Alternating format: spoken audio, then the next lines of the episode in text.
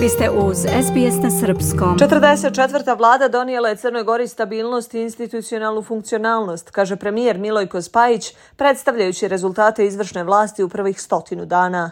Za naredne dane ciljevi su poručuje visoki i ambiciozni, ali dostižni, te i daje riječ da će sve obećano biti ispunjeno. Tako će, kaže, i podnijeti ostavku ukoliko za godinu prosječna plata ne bude 1000, a minimalna 700 eura. Vi znate da ja obožavam ovaj tvrda obećanja i to jasna obećanja, onakva jasna da može svak da ih razumije. E, slično obećanje sam imao e, kada sam gostovao na emisiji ovaj, prije Evrope sad jedan, evo i sada prije Evrope sad dva, potpuno isto obećanje, možete svi da zabilježite kamerama, ispišite ga gdje god hoćete na bilborde da ga izbacimo, to obećanje će se ispuniti.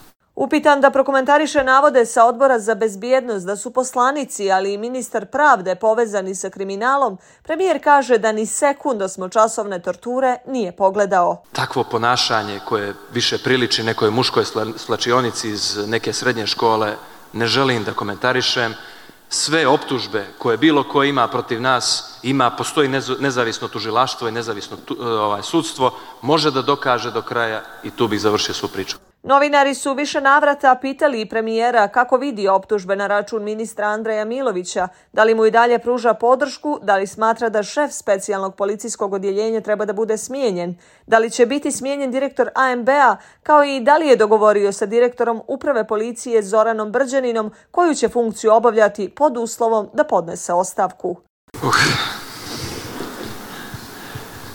Mislim da je ovo četvrti put da se vraćamo nekako na neka personalna rješenja, a ja konstantno pokušavam da okrenem negdje brod ove Crne Gore prema nekim institucionalnom pristupu i pristupu ovaj, koji je negdje na principijalnoj ravni, a ne jesam li za nekog drveta se dogovarao sa gospodinom Brđaninom oko nečega. Sva personalna rješenja će biti na dobrobit Crne Gore. Hoće li uvijek u svakom trenutku biti savršeni ljudi? Neće ali radimo na tome i popravljamo svakog dana stanje ovaj, u svakoj od institucija. I ja govorim da se mi ipak fokusiramo na rezultate, a ne na rekla kazala priča.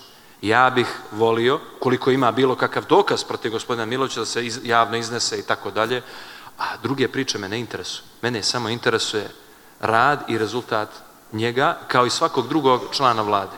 Ukoliko bude zadovoljavao, ostaće tu do daljnjeg. Koliko ne bude, neće. Stotinu dana je prošlo, zamjerke su tu, ali premijer Crne Gore podsjeća da će se na svakih pola godine, gdje rezultati izostanu, dijeliti žuti kartoni. Građanima poručuje, država nije prčija, vlada neće iznevjeriti. Za SBS na Srpskom iz Podgorice, Milice Delibašić. Želite da čujete još priča poput ove?